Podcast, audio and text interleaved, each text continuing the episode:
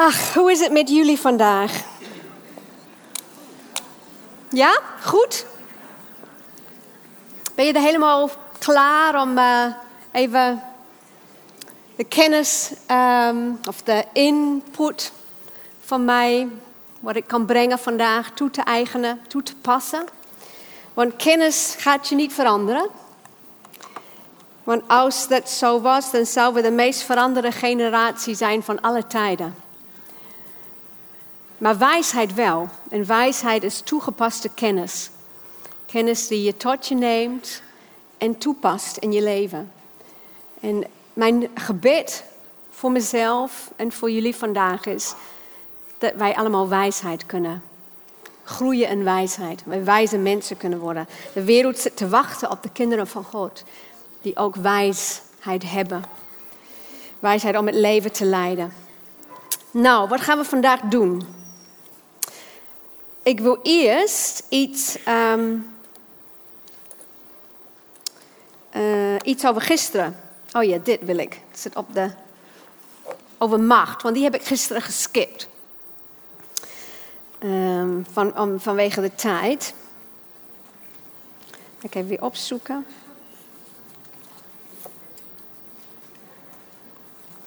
Gisteren heb ik, dat, um, heb ik gesproken over de kwetsbare lam de geslachte lam.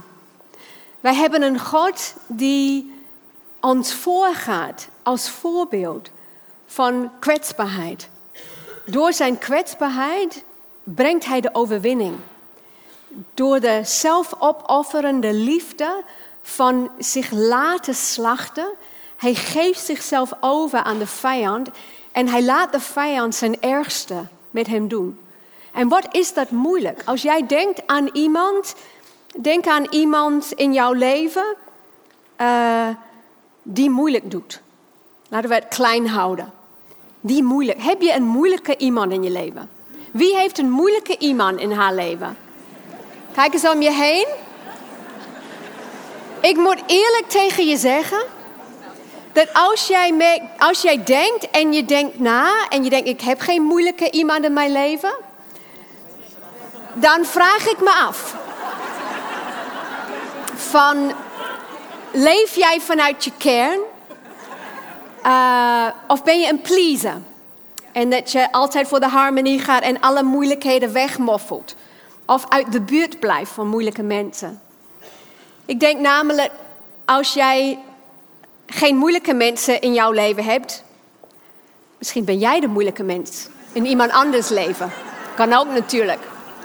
We zijn een beetje met elkaar opgezadeld, eigenlijk. En we zijn allemaal moeilijk. Ik ben ook moeilijk. Ik ben soms een moeilijke moeder. En dan uh, kom, ik dat, kom ik daarachter, want dan uh, word ik boos of zagrijnig, of ik ga afsnauwen, of ik ben geïrriteerd. Allerlei dingen. En dan, um, dat, is de, dat is funest aan drie dochters hebben, die goed met elkaar op kunnen trekken.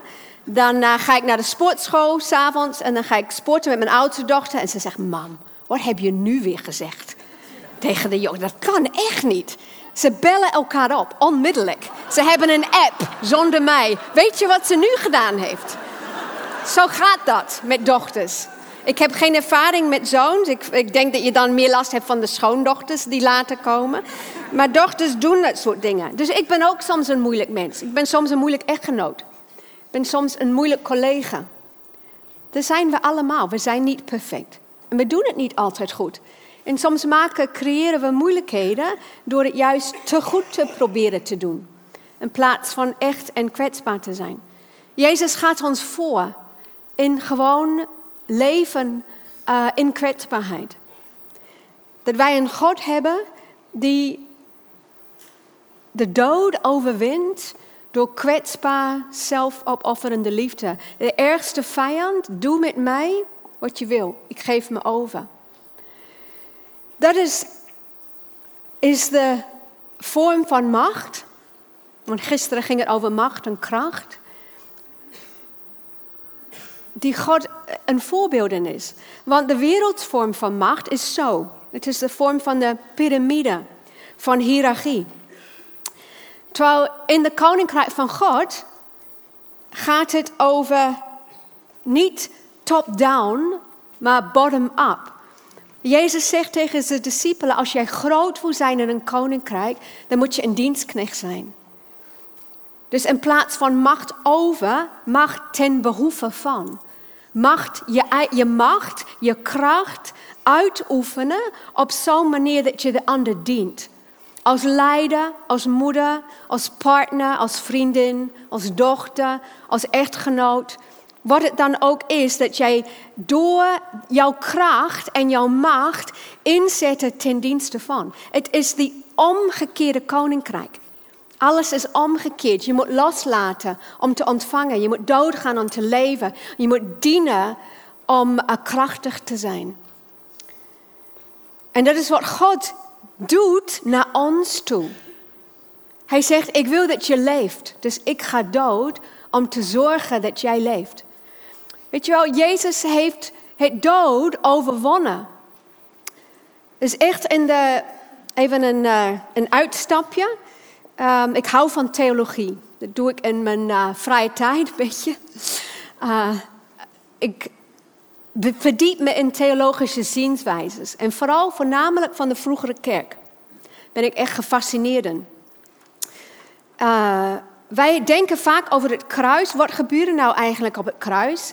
En in, onze, uh, in deze tijd spreken we vaak over dat uh, Jezus zijn schuld, onze schuld op zich genomen heeft.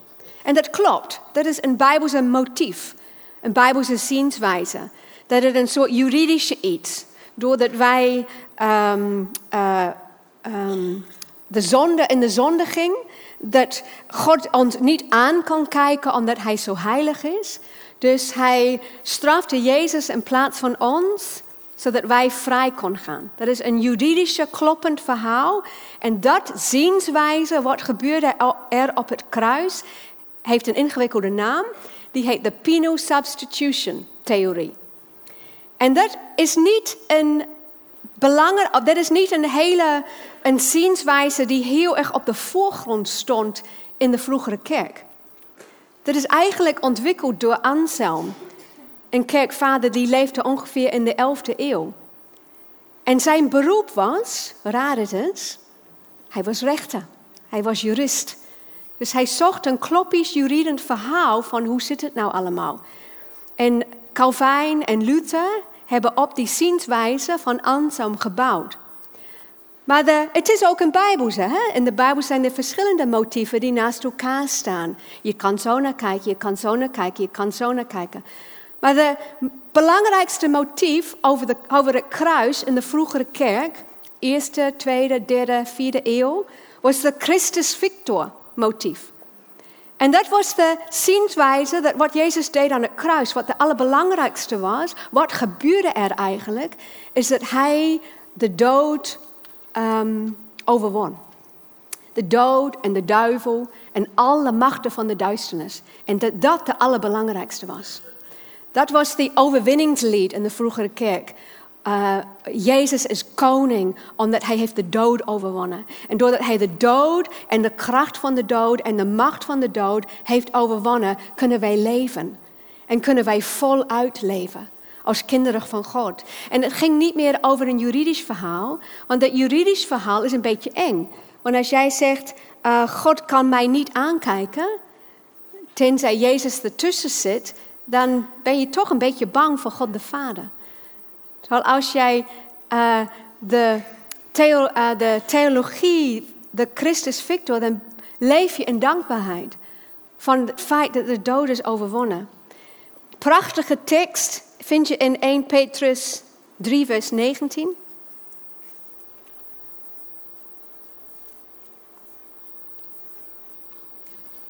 Even vinden. Hij is naar de geesten gegaan die gevangen zaten, Jezus, om dit alles te verkondigen.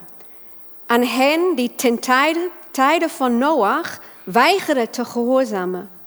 Toen God geduldig wachtte en die ark gebouwd werd. Er is een, een tekst die Petrus citeert uit een Joodse apocryfe, ik weet niet of ik dat woord goed zeg, uh, boek. En het gaat erom, in het verhaal werd gezegd dat Jezus uh, tussen de kruisiging en de opstanding, die drie dagen, dat hij het dodenrijk inging. Als je kijkt naar de grondtekst, hij ging het dodenrijk in en hij verkondigt het goede nieuws aan de gevangenen in het dodenrijk. Die daar vanaf de tijd van Adam en Eva waren. Hij gebruikte die drie dagen om de dodenrijk in te gaan en de sleutels van de dodenrijk te pakken. En hij overwon de dood door dood te gaan. Maar dan moet je je voorstellen, Jezus zegt, hij zegt, ik ben het leven. Ik ben het leven. Ik ben de weg, de waarheid en het leven. Ik ben het leven. Jezus is het leven. Hoe kan jij naar de mensen toe die dood zijn als jij het leven bent? Dat kan niet. Want het leven en het dood zijn tegenpolen. Je kan niet als het leven naar die mensen toe zijn die dood zijn. Dus wat deed God? Hij werd mens. En als mens kon hij doodgaan. Maar als die mens was hij ook God. En dus hij, doordat hij mens werd om dood te gaan, de dood van kwetsbaarheid, bracht hij het leven in de dood. En hij verkondigt naar al die mensen die dood in de dodenrijk waren: er is leven, je mag leven, ik heb de dood overwonnen. Moet je voorstellen, want Satan is de dood. Satan had, heeft de macht van de zonde en de dood. En dat hij zag God mens worden en hij dacht, nu heb ik hem.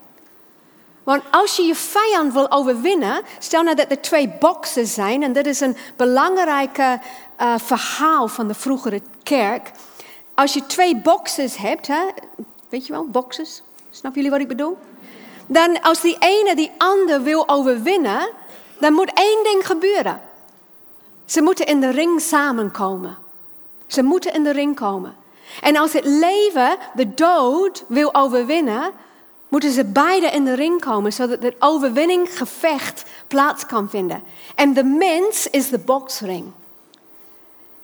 Dus God stapt in de boksring en hij overwint de dood. Dan moet je je voorstellen, want Satan heeft geen enige benul van zelfopofferende liefde. Hij zag dat niet aankomen. Hij zag niet dat Jezus door dood te gaan in de kruis, door zichzelf te geven, hij zag dat niet dat, dat een overwinning. Hij zag gewoon, nu heb ik hem, nu is hij kwetsbaar, nu kan ik hem pakken. En een lied van de vroegere kerk zegt dat Satan zijn tanden, um, uh, nou dan ben ik het vergeten, zijn uh, bijt, zijn tanden, zijn... Nee, hij bijt zijn tong niet af. Hij uh, beet zijn tanden stuk op het leven. Hij wilde het leven verslinderen. Hij wilde het pakken maar toen hij hem vast had, dan beet hij zijn tanden stuk. Want het leven overwint de dood. Dan zie je in een vroegere kerk icoon, ik liet jullie gisteren zien, een icoon van uh, de drie-eenheid. Maar er is ook een paasicoon, dat kan je googlen. Er is een paasicoon en in dat paasicoon zie je Jezus die uh, in de dodenrijk gaat. En dan pakt hij uit de doodskisten de handen van Adam en Eva en hij trekt hem naar het leven toe. Dat is onze kwetsbare God. Het leven zelf. Waardoor hij ons tot leven wekt. De kinderen van God die opstaat in zijn opstandingskracht. En het leven leeft. Hij heeft de dood overwonnen. En dit is macht ten dienste van. Laten we even kijken wat is macht over? Moet je voorstellen, denk aan God. Macht over is een God en soms hebben wij dit beeld van God. Soms denken wij, joh, God de Vader is een beetje eng, een beetje, weet je wel, met zijn toorn en zijn soevereiniteit en zijn uh, uh, alles. Dat wij, macht doet dingen uit kracht. Eigenlijk vaak macht over een diepe onzekerheid ik heb het niet allemaal in de hand, dus ik ga het allemaal in de controle hebben en iedereen gaat doen wat ik wil. En ik zorg ervoor, want stel nou dat ik controle kwijtraak. Macht over is een leider die geeft leiding van een afstand. Ik moet ze niet dichtbij laten brengen, want als zij dichtbij komen, dan zien zij dat ik daar eigenlijk zelf mijn leven niet onder controle heb. Dat ik blinde vlekken heb. Dat ik dingen doe wat niet eigenlijk kan. Heel veel leiders in Nederland, niet allemaal gelukkig, geven leiding uit dit. Ik hou mijn uh, mensen op afstand. Ze moeten niet zien dat ik ook soms het niet weet of niet kan of een uh, geheim leven heb. Macht over is, je eist gehoorzaamheid, je eist onderwerping. Je moet het doen omdat ik het zeg. Omdat ik de baas ben, omdat ik de voorganger ben. Of dat ik de, wat het dan ook is. Die, die doet een beroep op positie. Macht over is vaak grensoverschrijdend. Het is vaak manipulerend en dominerend. Macht over, het is uit status. Het is uit, ik moet mijn positie houden. Het is uit een onzekere leiderschap. Onzeker over zichzelf, maar ook onzeker waarom heb je die status nodig? Waarom heb je die positie nodig? De vrucht daarvan is vaak geestelijke misbruik. Er ontstaat vaak, als het zo'n leiderschap in een kerk is, er ontstaat vaak strijd en schuring. Het creëert een splijtzwam. Het is voelbaar. Want er is vaak een split in die leiders zelf. Daar gaan we zo meteen naar kijken hoe dat werkt. Macht over is het leidt tot muizen en monsters. Dus je hebt mensen in de organisatie, in de bedrijf, in de gezin, in de kerk. Je hebt mensen of kinderen die compliant zijn, hè? die zijn braaf, die, die denken, oh, die zegt, dus ik ga het ook doen. Dat zijn die muizen. Ze staan niet ze passen zich aan uh, uit angst of uit die harmonie willen bewaren. Of het creëert monsters. Het creëert de mensen die rebel zijn. En die on, ongezeggelijk, on, onzeggelijk, zeg ik dat goed? Jullie snappen wat ik bedoel in ieder geval. Hè? Die, niemand gaat mij vertellen wat ik moet doen. Heel anders dan macht ten dienste van. En dit is onze God die ons een voorbeeld geeft in zijn koninkrijk. Macht ten dienste van geeft leiding vanuit zekerheid. God zegt, joh, hij laat los. Som, heb jij soms niet de vraag, waarom, God, waarom laat je dat toe? Waarom laat je dat toe? De, de lijden. Dat mensen onschuldig lijden, de tragedies die gebeuren. De dingen die gebeuren die verdrietig zijn. Waarom laat je dat toe? Ik denk dat God zo zeker in zichzelf is dat Hij alles ten goede kan keren. Ook dat wat fout gaat. Dat Hij laat dingen toe. Hij geeft leiding, een goede leider geeft leiding vanuit nabijheid. Kom, zie wie ik ben, want dit is het. Meer is er niet. Ik heb jou nodig, jij hebt mij nodig. Um, durven leiden vanuit kwetsbaarheid.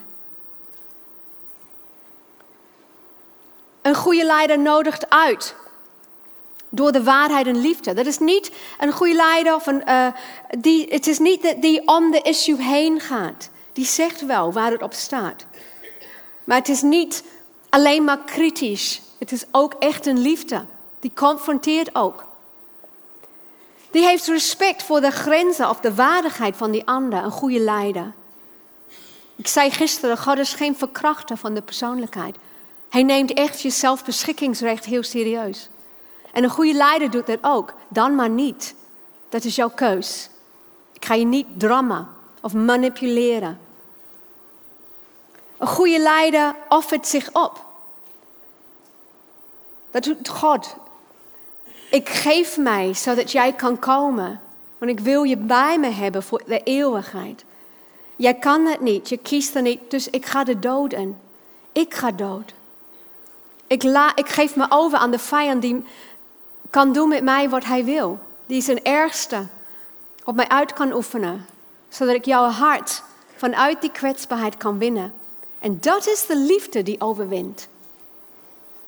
En dan hij wacht en hij hoopt en hij blijft beschikbaar. Hij wacht als de vader voor de verloren zoon. Hij is op kijk. De enige tijd in de Bijbel waar je God ziet rennen, de vader ziet rennen, is naar de verloren zoon. En hij, hij laat hem zelfs niet uitpraten. Hij pakt hem en hij vernieuwt zijn status. Je bent mijn kind. Hij neemt hem mee naar de paleis. Hij kleedt hem aan. Hij viert de vader die liefde uh, onuitputtelijk is.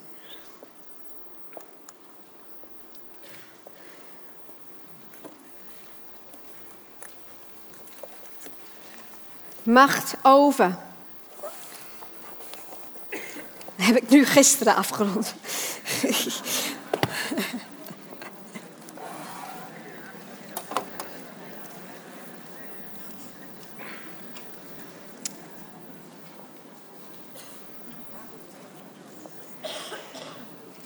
Soms lopen we vast omdat wij, omdat ons beeld van God is vertroebeld.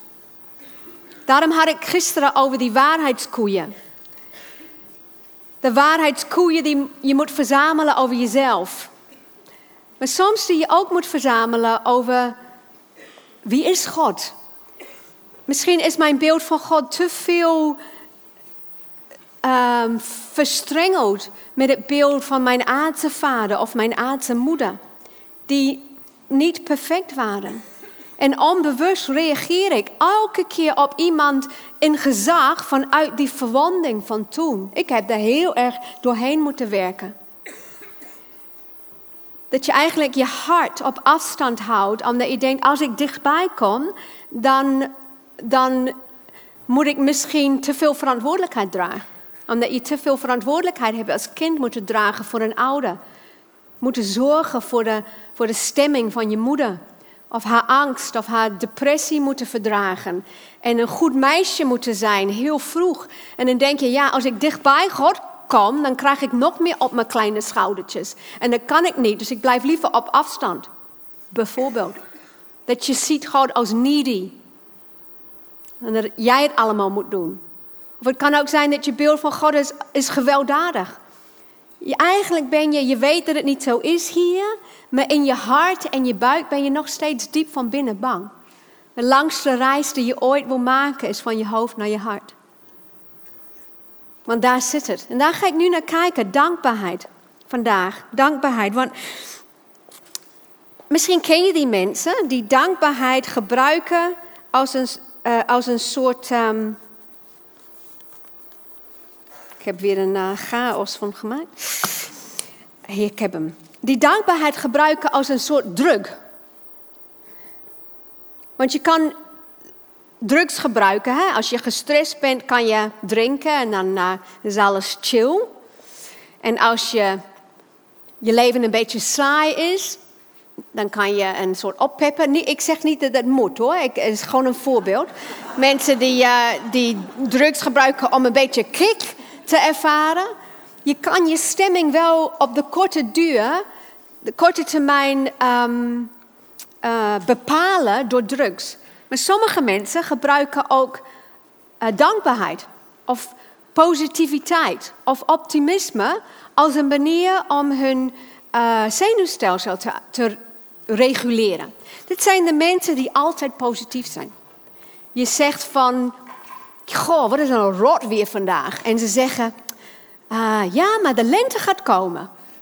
Nou, dat is ook heel mooi, hè? Als dat, dat mag ook gezegd worden. Ik zeg het ook tegen mezelf. Maar als het met alles is, dan wordt het niet meer leuk. Want soms wil je gewoon klagen, toch? Ja. Het zijn de mensen die als je zegt van ik ben verdrietig, dan zeggen ze iets, uh, ze komen met een tekst. Of uh, um, uh, ze, ze proberen jouw nare stemming op te lossen door iets positiefs. En ik, dat is niet wat ik bedoel. Dus ik bedoel echt in deze lezing doorleef de dankbaarheid. En wil je dat kunnen op een gezonde manier in kunnen zetten, dan moet je ook weer opnieuw de blik naar binnen um, richten. En daar ga ik vanochtend over hebben. Want deze tekst die wij net gelezen heb, hebben, Ja, even mijn Nederlandse grammatica proberen uh, over. Goed. Deze tekst gaat over alles wat wij ontvangen hebben. Er is veel in het christelijke leven om dankbaar voor te zijn. Er is veel. En als wij leren oprecht een dankbare houding te hebben, dan doet het ook iets heel veel goeds in je brein, in je zenuwstelsel en in je lichaam. Als het doorleefd is. Er zijn genoeg uitdagingen. Maar het moet wel echt zijn. Want sommige mensen weren hun eigen pijn af door super positief te zijn. En dus ze kunnen ze niet huilen met degene die huilen. Rouwen met degene die rouwen. Uh, boos voelen met de mensen die onrecht voelen en boos over zijn. En dat is ook een Bijbelse opdracht om dat te doen. Dus we gaan even kijken hoe cultiveer je, daar gaat vanochtend over, een doorleefde houding van dankbaarheid. En waarom is dankbaarheid zo belangrijk? En wat is dankbaarheid? Dankbaarheid is eigenlijk in Engels zal ik de woord appreciation noemen.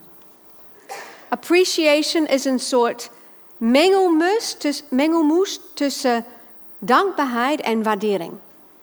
Het zit beide in. Appreciation is wanneer je stilstaat bij iets en je voelt je dankbaar en je waardeert het. En je staat heel erg bij stil. Dat is wat appreciation is. Dus als ik het over dankbaarheid heb, ik het daarover. En in de. Even kijken. In 2008 hebben ze onderzoek gedaan naar wat doet dankbaarheid met je brein. Want neurowetenschappers, ik kom niet uit mijn woorden vanochtend, uh, dus misschien soms hebben jullie hulp nodig. Neurowetenschappers die gingen um, onderzoek doen door middel van fMRI. Dat is wanneer je in de MRI-scan gaat en ze gaan kijken welke delen van je hersenen oplichten in het moment dat dingen aan het gebeuren zijn in je brein. Dat heet een functionele uh, MRI, een fMRI. En wat zij ontdekte is dat dankbaarheid, de mensen in de scanner, want ze ging even eh, twee uh, controlegroepen, mensen die niet op een dankbare manier over aan het nadenken waren en mensen die het wel waren. En wat zij ontdekte is dat dankbaarheid veranderde de moleculaire, de molecules, hè, structuur van de brein. Het helpt de neocortex, dus de grijze gerimpelde massa, beter te functioneren. Dat was in 2008. Mensen die bewust dankbaar begonnen te zijn in de scannen, bij hun gingen gebieden van de hersenen in syn, um, synchroon activeren. Dus er kwam veel meer, veel meer um, uh, synchronie in de hersenen. Je zou het shalom kunnen noemen. Het werkte samen. Er kwam een integratie in de brein door dankbaarheid. Zij ontdekte ook dat meer dopamine geproduceerd werd. Dat is het beloningssysteem. Dat is de, dopamine is een neurotransmitter die geproduceerd wordt wanneer wij, de plezier, wanneer wij plezier beleven en beloning. En mensen die te weinig dopamine ervaren, die ervaren niet de, uh, joie de vivre in het leven. De vitaliteit, de nieuwsgierigheid, de kunnen genieten. En het uh, wekte ook meer serotonine op. Als je depressief bent, krijg je vaak uh, antidepressieven die zorgen ervoor dat je meer serotonine um, produceert. Maar dankbaarheid doet dat ook. In 2009 hebben ze nog een onderzoek gedaan over dankbaarheid. En wat zij ook zag in de brein, is dat het activeren de hypofyse om beter te functioneren.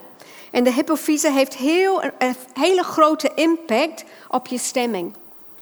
Het helpt je heel erg om je stemming te reguleren en je stresshormonen.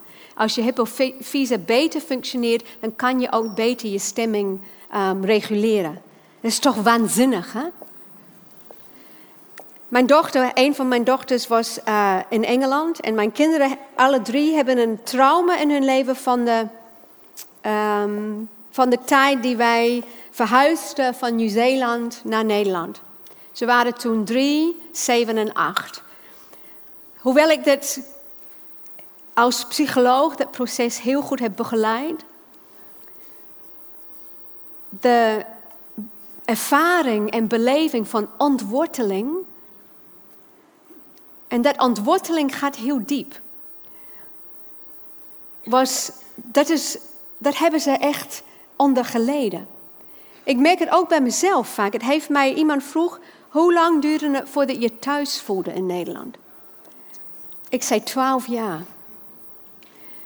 En dat gaat niet over dat je de taal leert, of dat je de cultuur leert, of dat je uh, een zinvolle baan hebt, of dat je dingen kan doen, of dat je nieuwe vriendinnen maakt, een nieuwe huisarts vindt, een nieuwe kapper vindt. En al die dingen waar je denkt van, ja, weet je wel, eh, dat was allemaal geregeld. Moest je allemaal opnieuw, daar ging het niet over, die twaalf jaar. De twaalf jaar ging over de geuren en de lichtval.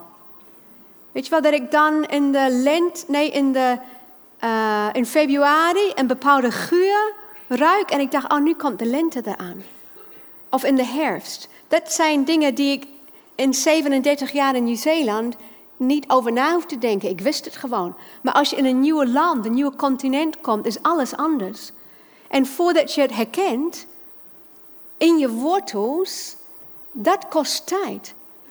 Ik dacht laatst bij mezelf, na twintig jaar, nu kan ik het aanvoelen wie ik moet zoenen en wie ik niet moet zoenen. En hoeveel. Want in Nieuw-Zeeland zoenen we niet. We zoenen wel, maar hmm, niet op die drie zoenen manier. Of twee zoenen. Dat voelt voor mij als, waarom kom je zo dichtbij mij, weet je wel? Dat doen wij niet. Dus dan moet je leren. En moet je leren ook wanneer, wie zoen je? Zoen je de postbode als die aan de deur komt? Nee, dat doe je niet. Zoen je iemand die je niet leuk vindt? Ja, soms moet je dat wel doen. Anders uh, krijg je meer uh, stront aan de knikken. en hoeveel zoenen geef je? En wat is awkward? Weet, voordat je dat aanvoelt, dat heeft me twintig jaar gekost. Nu voel ik, dat lag laatst afgelopen maand bij zo, oh ja, oh dat ging natuurlijk. Maar er zit twintig jaar van awkwardness daarvoor. En het fout doen. En denken, oh. Of dat je een verjaardag binnenloopt en, uh, en, en denkt pas in de auto naar huis, oh, ik had iedereen moeten feliciteren. dat komt echt niet in me op. Ik vind het nog steeds stom hoor, maar... Um, ik oordeel niet over jullie cultuur, maar ik vind het gewoon stom. En ik wil niet dat anderen gefeliciteerd worden over mijn verjaardag. Blijf met je poten daar vanaf. Een beetje Nieuw-Zeelands blijf ik toch, hè? Ja. Ik weet nog, wij hadden een, mijn man was voorganger en wij hadden, er was een doopdienst. En uh, ik was twee jaar in Nederland. En uh, iemand kwam naar me toe, hoorde ik een week achteraf, dat die persoon die gedoopt was, dat die heel erg gekwetst en verontwaardigd was. Dat ik niet naar haar toe was gegaan om haar te feliciteren als voorgangersvrouw, uh, dat ze gedoopt was. Er was niet, gewoon niet op me opgekomen. Want in Nieuw-Zeeland hebben we dat soort sociale regels niet. Die hebben we gewoon niet. Dus je hebt niet verplichtingen wat je dan daar bij wie in die setting moet zeggen. Heb je gewoon niet. Je zegt wat in je opkomt. Of niet, als het niet in je opkomt. En je wordt niet op afgerekend. Dus voordat je dat allemaal leert, want je maakt niet elke week een doopdienst mee, of een begrafenis, of een bruiloft, wat je dan moet zeggen in die setting. Ja, dat zijn allemaal, jullie zijn er allemaal gewend. Maar als je als vreemdeling in een nieuw land komt, dan is het best wel een heleboel die je moet leren voordat het eigen wordt. Ik weet niet waarom ik dat allemaal zei. Nou, even over de... Blijkbaar moest het eruit. Laten we even terug naar dankbaarheid.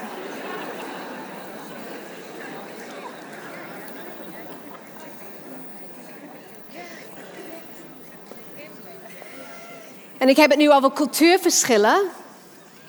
Maar soms zijn er cultuurverschillen in een, in een gezin, of tussen twee gezinnen, of tussen twee kerksoorten, hè? tussen provincies. Hebben we allemaal mee te maken. En als we zouden stoppen met elkaar afrekenen en bij nieuwsgierig zijn, hoe werkt het bij jou? En wat maakt? Dan gaan we elkaar ontmoeten. In plaats van de isolatie en de verwijdering die plaats, vaak plaatsvindt. Oké, okay, doorleefde dankbaarheid. Het is een, jouw dankbare ik. Maar het kan ook zijn dat je in jouw leven, als je opgroeit, dat je tekort gekomen bent. Elke kind heeft behoeftes. We noemen dat hechtingsbehoeftes. Dat zijn de hechtingsbehoeftes die je hebt, die je niet, die ook legitiem zijn.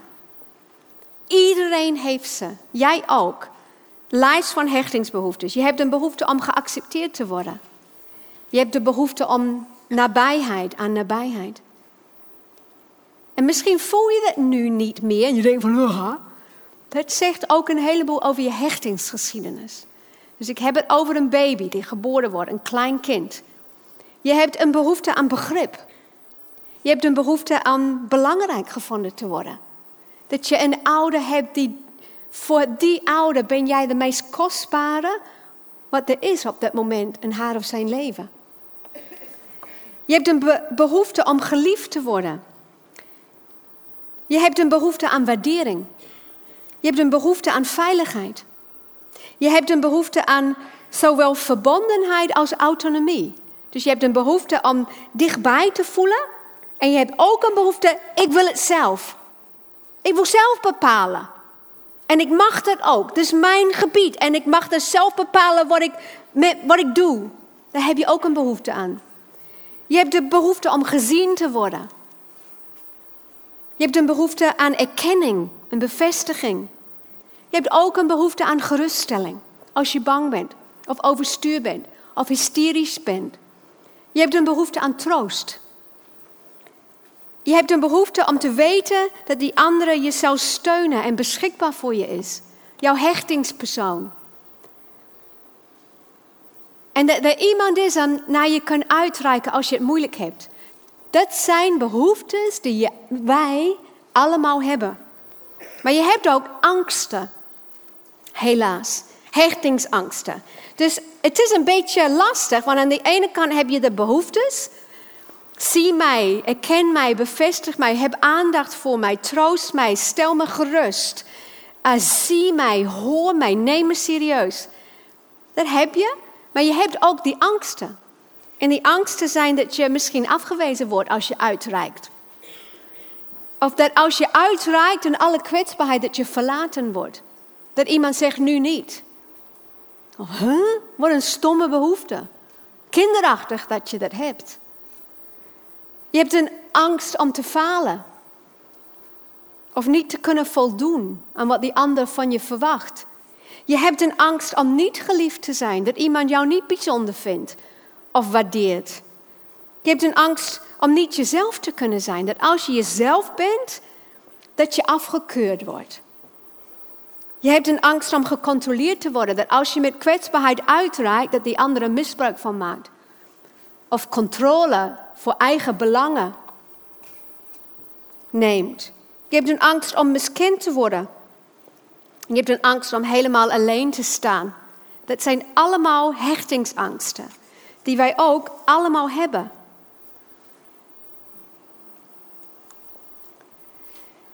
En we hebben allemaal dingen meegemaakt in ons leven. Allemaal. Waarin die behoeftes, wanneer, ze niet vervuld zijn. En weet je nog over die timing, hè? Verkeerde timing, de shalom, verkeerde timing, verkeerde hoeveelheid. Dat kan ook niet anders. Dat is, dat is die uitdaging die wij allemaal hebben in deze wereld die niet volmaakt is en niet perfect is.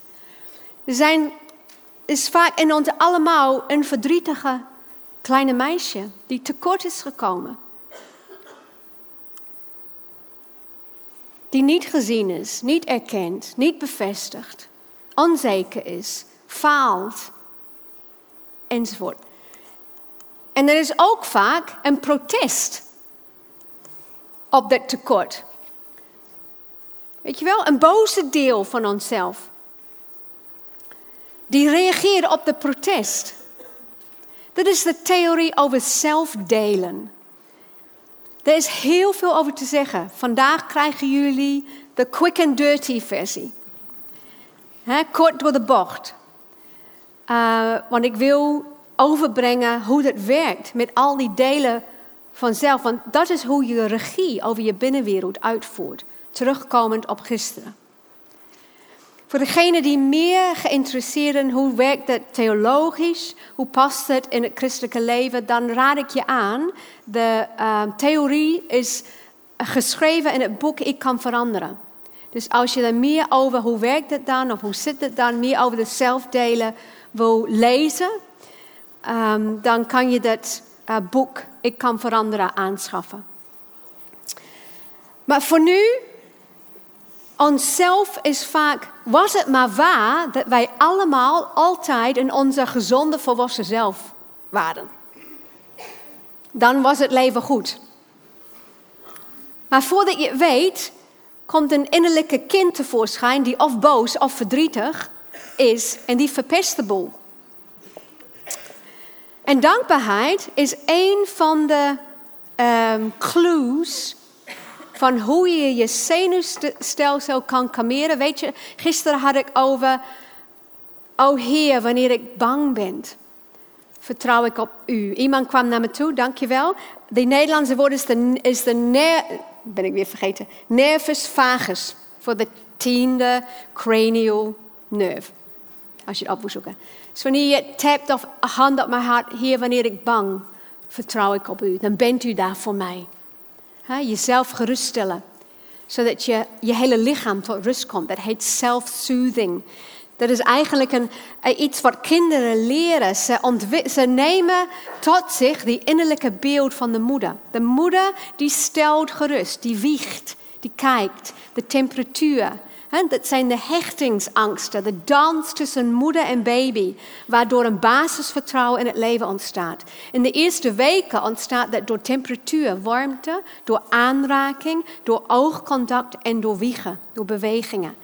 En gaandeweg, rondom leeftijd 1, tussen 1 en 2, kan de, het kind het beeld van de moeder voor zich houden, ook als de moeder er niet is. En de moeder wordt een interne geruststellende figuur. Meestal. Bij mij niet. Ik heb geen geruststellende moeder gehad. Ik moest het beeld van mijn moeder uit mijn binnenwereld uh, zien te krijgen. Uh, als het goed gaat, krijg je uh, een interne um, beeld van de moeder. Maar een kind die leert dat niet van de ene dag naar de andere. Er is een transitional periode. En dan zie je vaak dat ze een transitieobject gebruiken een speen, een uh, doekje, een knuffel. Weet je wel, dan projecteren ze op dat ding de beeld van de moeder die geruststellend is. Waardoor zij zich, de kind zichzelf kan zussen in slaap.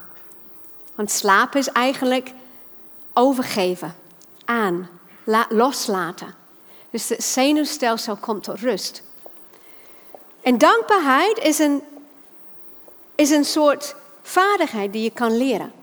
En dus we gaan nu even oefenen. Jullie hebben allemaal, als het goed is, een appel. Pak even die appel. Jullie vroeg je af, wat gaan we in vredesnaam doen met die appel?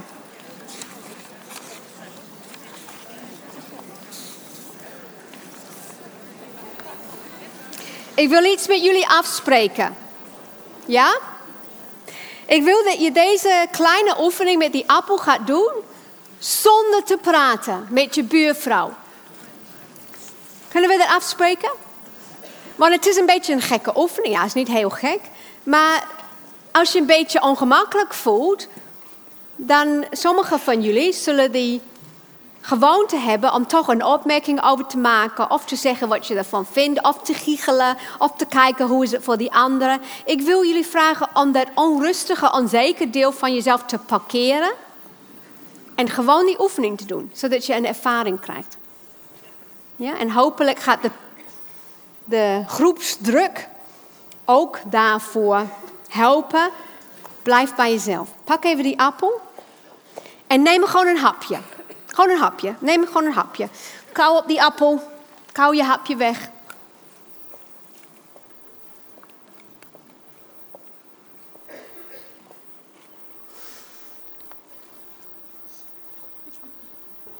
Is die lekker? Lekker genoeg? Ja, oké. Nu wil ik dat je kijkt naar die appel. Kijk heel goed naar die appel. Kijk naar de kleur, de schakeringen in de kleur. Naar jouw appel. Kijk goed naar de vorm. Probeer eens naar te kijken zonder een mening over te hebben. Gewoon te kijken als een, als een negen maand baby kijkt. Gewoon grote ogen, gewoon kijken naar, naar de vorm, de kleuren, dat stukje waar, de, waar aan de boom hangt, hoe, dat dan, hoe diep dat is. Die andere kant. Ruik het. Ruik waar je net een hapje uit. En sta stil bij de, dat geur. En hoe voelt het aan in je hand? Gebruik je tas zintuig. Hoe voelt het aan? Voel ook dat stukje waar je net een hapje uit en het verschil tussen de ronde vel. En ga eens naar dat gevoel, dat zintuig toe. Neem de tijd. Kijk die appel. En wees bewust van het feit dat deze appel, die voeding voor je is, ook zaadjes in zich heeft. Deze appel, door God bedacht, heeft het vermogen om een nieuwe vorm van zichzelf te creëren. En in de zaad zitten nieuwe appels, nieuwe bomen zelfs. Dat zit allemaal in dit appel. Bijzonder is het dat deze appel, als die de gronden gaat, dat er uit die ene appel een boom kan komen en nieuwe appels. Dat zit hier allemaal in. Denk eens aan. Sta stil bij het feit dat deze appel prijs geeft aan veel en veel afspraken, connecties en verbindingen over een hele grote gebied. Wat bedoel ik daarmee? Denk aan die oorspronkelijke appelboom, ooit. Niet de boom van deze appel, maar de oorspronkelijke appelboom op aarde. Te denken dat die appelbomen komen voort uit de Zuidwest-Azië, van Turkmenistan, Uzbekistan, Tajikistan, Afghanistan in de buurt. Die oorspronkelijke appelboom, denken dat het daar vandaan komt. En doordat die boom, die oorspronkelijke, beschermd, gekoesterd en verzorgd werd door mensen van toen, door duizenden jaren in hun systeem van landbouw, cultuur, mogen wij hier ook nog steeds van eten. Van deze ras of deze vrucht. We zijn dankbaar voor alle mensen van toen die het zo gedaan hebben. Mensen hebben die appelzaad van continent naar continent gebracht. We zijn dankbaar voor de mensen die ook hier aan dachten. Die de zaad spaarden. En die voor de nieuwe, prille, kwetsbare appelplanten zorgden, zodat ze bomen werden. Die gingen de bomen snoeien, bemesten. We denken aan de boeren, de mensen in de landbouw die risico's nemen die te maken hebben met droogte en overstromingen en pesten en plagen. Mensen die de appels oogsten, wel of niet met behulp van machines. We denken aan alle mensen die aan de een of andere manier te maken hebben gehad met deze appel. Dat ze misschien het ingepakt hebben, of verkocht hebben, vervoerd hebben. De vrachtwagenchauffeurs, of de vliegtuigpiloten, of de schepen, de bemanning van de schepen. We weten het niet. Hoe is deze appel vervoerd? De groothandel, de winkeliers. De Albert Heijn, verkoopt achter de kassa. De bezorger, misschien die het bij jou thuis bracht. Niet deze appel, bij de Eva dan. Zoveel mensen staan met ons in verbinding als we stilstaan bij wat we in handen hebben beseffen we vaak niet. Zijn zo individualistisch grootgebracht. We staan ook stil bij die appelboom. We denken aan de beginnende herfst, oktober, september, wanneer die appels aan de boom hangen en rijpen. We beseffen ons dat de bladeren hebben geademd, de zonslicht opgenomen hebben, de CO2 omgezet naar zuurstof. De bladeren zetten de energie van de zonlicht om en de zoetigheid van die appel. Weet je dat er 40 bladeren nodig zijn om één appel te produceren? Daar zijn we dankbaar voor. De bladeren laten de vocht los die opgezogen wordt door de wortels. Een appelboom in volle groei keert een paar ton van water of vocht terug naar de atmosfeer in een groeiseizoen. Daar zijn we ook dankbaar voor. De appelboom verliest zijn bladeren en die wordt weer opgenomen door de aarde. En die wordt onderdeel van die aarde rondom de appelboom. Daar zijn we ook blij voor, voor dat hele proces. Nadat je bij dat alles stilgestaan hebt, neem eens een nieuwe hap van die appel. En neem het in dankbaarheid en appreciation en waardering voor alles wat deze appel in zich heeft.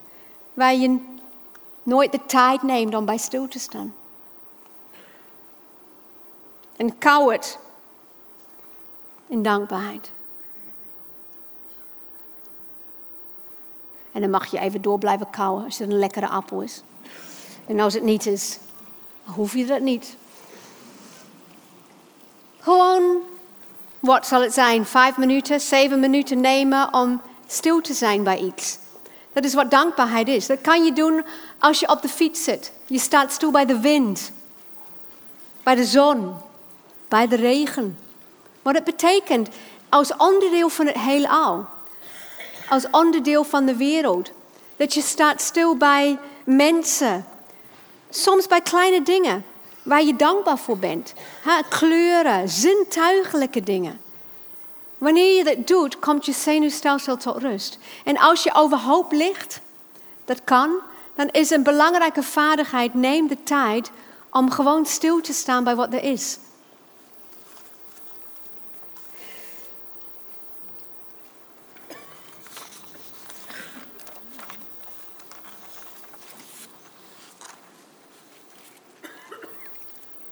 Maar ja, we hebben deze zelfdelen van binnen.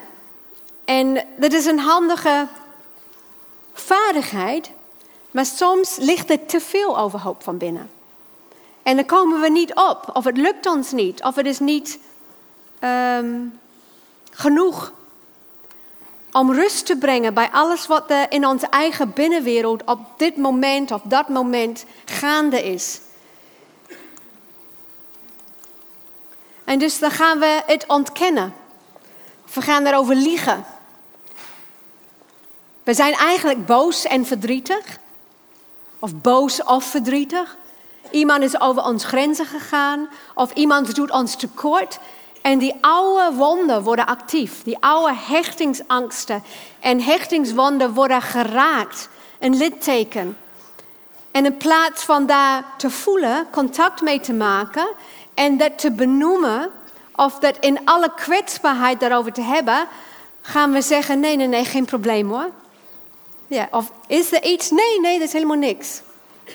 Of ben je boos? Nee. Of heb ik je gekwetst? Nee, nee, nee, nee, nee. Weet je wel, we, we houden het weg omdat we het zelf niet willen voelen. We liegen daarover. Soms gaan we daarover zwijgen. Dat zijn overlevingsdelen. Als ik terugga, dan heb je. Heeft hij een lezer? Yes.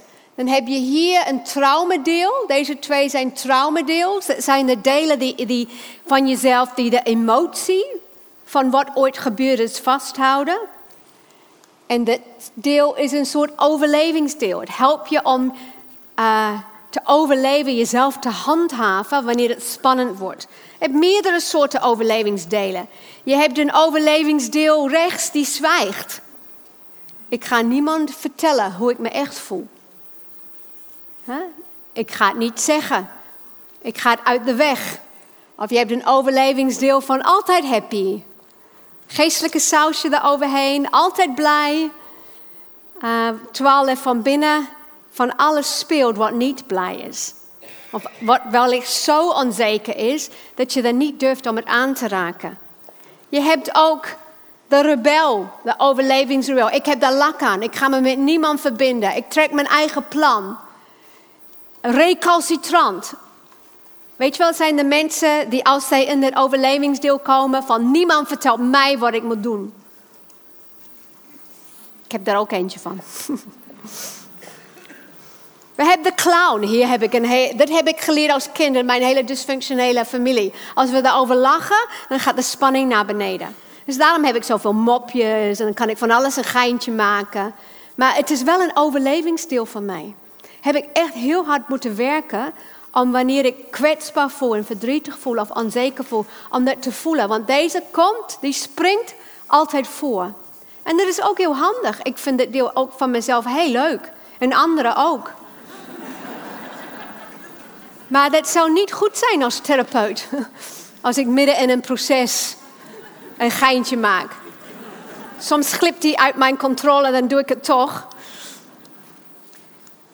Of je hebt een kritische deel. Een deel die overal van alles vindt. Wie heeft een kritisch, een inner criticus? Ja, ik ook. Wie lijdt onder die innerlijke criticus van iemand anders? Ja. Want soms heb je wat jij naar binnen toe doet, doe je ook vaak naar buiten toe. Of wat je naar buiten toe doet, doe je ook vaak naar binnen toe. Soms kan je ook als overlevingsdeel een slachtofferdeel hebben. Zijn de mensen die altijd klagen. Weet je wel? Of is altijd, uh, um, er gaat nooit iets goed. Het is ook een overlevingsdeel. En er zijn ook natuurlijk veel meer. Hè? Er is een soort selectie. Je kan een presteren hebben, of een brave, of een harde werker. Allemaal delen die je kan hebben. En die zijn allemaal vaak in je binnenwereld. Want de neurowetenschap is meer en meer aan het ontdekken dat je brein werkt in modules. In systemen. Uh, dat je dan een gezonde volwassen deel hebt. Maar als een innerlijk kindmodule aangezet wordt, dan voel je alleen dat. En dan kan je in de hyperfocus zijn. En is die vliegtuig, jouw vliegtuig wordt gestuurd door die autopiloot van dat innerlijk deel. Laten we even kijken. Voordat ik dat doe, wil ik ook even dit weer aan jullie voorleggen. Gisteren zei ik, we hebben allemaal een gebied en dat is het gebied van de gezonde volwassen die allemaal goed functioneert. En we hebben ook allemaal gebieden van chaos, of waar het geen idee is. En dat zijn al die innerlijke zelfdelen die wij niet kennen, die wij niet willen voelen en die wij niet onder onze regie hebben. Een gezonde persoonlijkheid kan je ook een beetje voorstellen als een orkest. En jij, de gezonde volwassen, is de dirigent. En je hebt al die instrumenten die zichzelf mogen zijn. De cello mag de cello zijn, de viool mag de viool, de, de, hoorn mag de horen zijn, de bas mag de bas zijn. Ze hoeven niet weg. Ze zijn welkom. Maar ze moet wel onder de regie van de dirigent zijn. Ze moet kijken naar de dirigent. De dirigent moet ze kennen. Oogcontact hebben.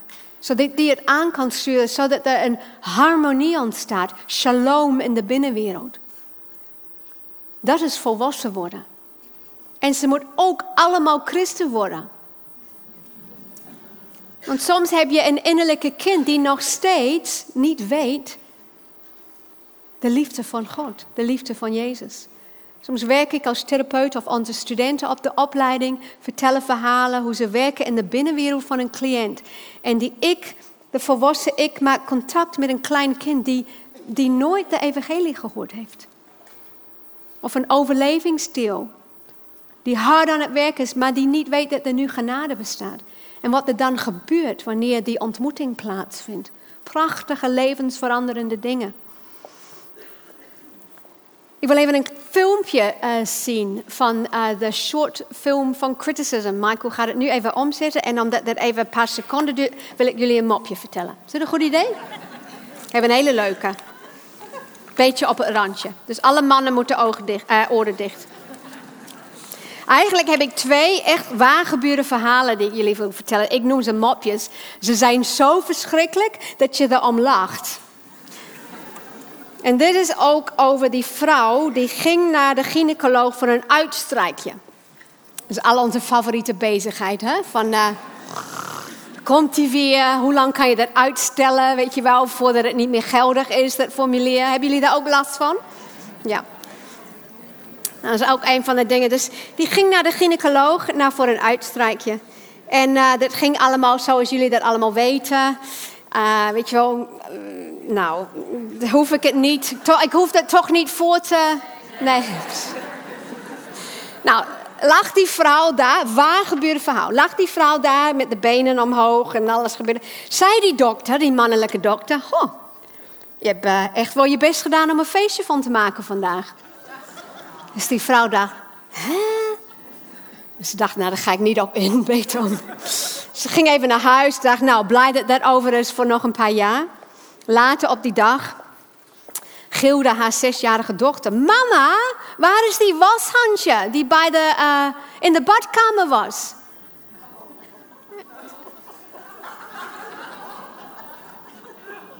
Die vrouw dacht: die washandje die in de bad. Oh, dat heb ik gebruikt vanochtend om mezelf even wat uh, schoon te vegen van, uh, van onder. Dus ze zei: Oh, het is in die wasmand. Hoezo?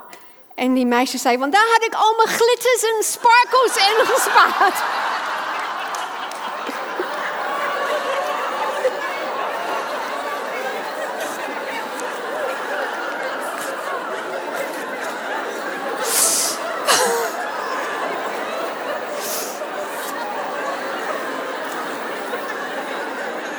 Okay.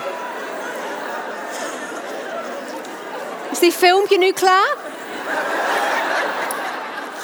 Even omschakelen. Dit gaat over zelfkritiek. Het is helaas alleen in Engels.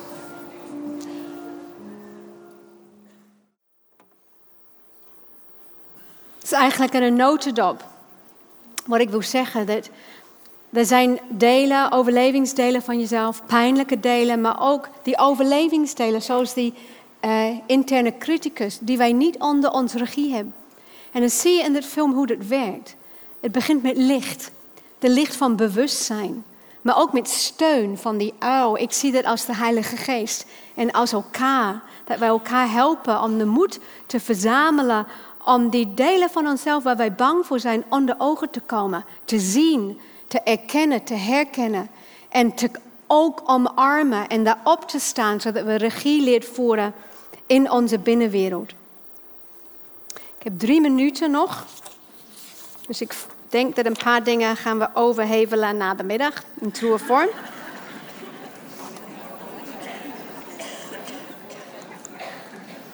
Dus ik even, ik laat.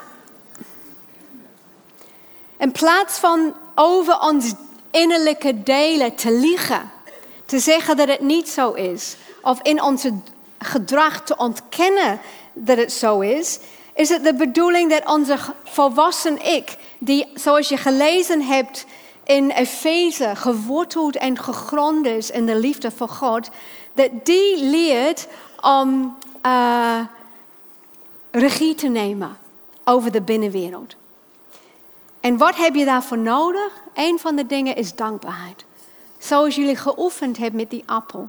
Dankbaarheid voor ook um, wie God jou gemaakt heeft. Dankbaarheid voor wat je van God mag ontvangen. Dankbaarheid voor elkaar. Want je kan het niet alleen doen.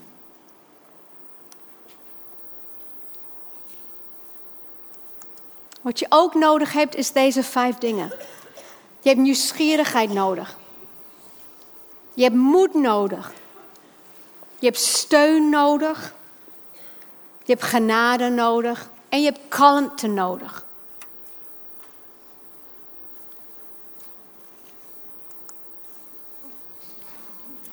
Die koe, hè? Die waarheid als een koe. Iemand zei tegen mij gisteren: wij moeten toch niet oude koeien uit de sloot halen? Ik dacht bij mezelf: volgens mij is er iets anders. Want soms is het heel goed, je moet niet een dode oude koe uit de sloot halen. Toch? Een koe die dood is, die moet je niet uit de sloot halen. Maar een oude koe die in de sloot is, die nog levend is, die moet je er wel uithalen. Mensen proberen dingen te begraven die leven zijn. Je moet begraven wat dood is, niet wat nog leeft. En heel veel problemen komen voor omdat mensen proberen dingen te begraven in een relatie die nog eigenlijk meedoen in het hier en nu. En die moet je durven onder ogen te zien. Je hebt nieuwsgierigheid nodig. Wat leeft er allemaal bij mij van binnen? Je hebt moed nodig. Weet je, moed is niet dat je denkt van, oh, dat lukt me makkelijk. Moed is dat je denkt, oh, en je toch probeert. Je hebt steun nodig. Je hebt elkaar nodig. Als jij hier zit en je alleen bent, dan is jouw, een van jouw doelen voor dit jaar, vind een soulmate. Find iemand met wie je kan delen. Maak dat een verlangen, de verlangen van je hart. Van ik wil, I want a person. Ik wil iemand hebben die my person is. Je hebt genade nodig. De genade van God die je roept, die bij je is. En je hebt kalmte nodig. Je hebt een stressvrije zone nodig wanneer je kan reflecteren. En het kan ook zijn dat jouw hele leven op dit moment vol stress is. Dan is misschien een van jouw doelen, jouw focus, hoe ga ik per dag een uur creëren waar ik bij mezelf kan zijn. Waar, ik niet, waar er niet een appel op mij gedaan wordt. Zelfs, misschien kan een uur niet. Misschien ben je blij met 20 minuten. Daar kan je mee beginnen. Kleine hapjes. Hoe kan ik dat creëren? Hoe doen anderen dat? Verzamel informatie, delen met elkaar. Hoe doe jij dat? Hoe creëer je dat tijd als je vier keer per nacht wakker wordt gemaakt? En je, het is, uh, weet je wel, stress van ochtends tot avond. Hoe krijg je input?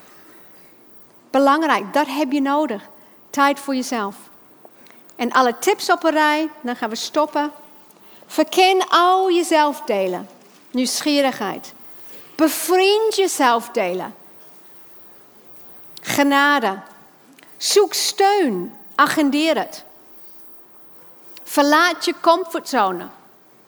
Als jouw leven op dit moment gaat op rolletjes, dan wil ik tegen je zeggen, je bent niet aan het leren.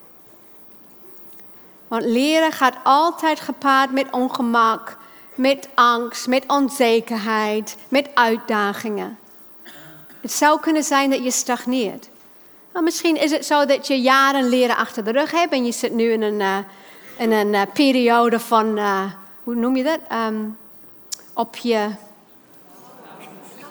op je lauwere rusten. Ja, dat, precies. Um, nou, dat mag, hè? Soms is het een periode van oogsten, maar let erop. En de laatste vindt een plek van rust.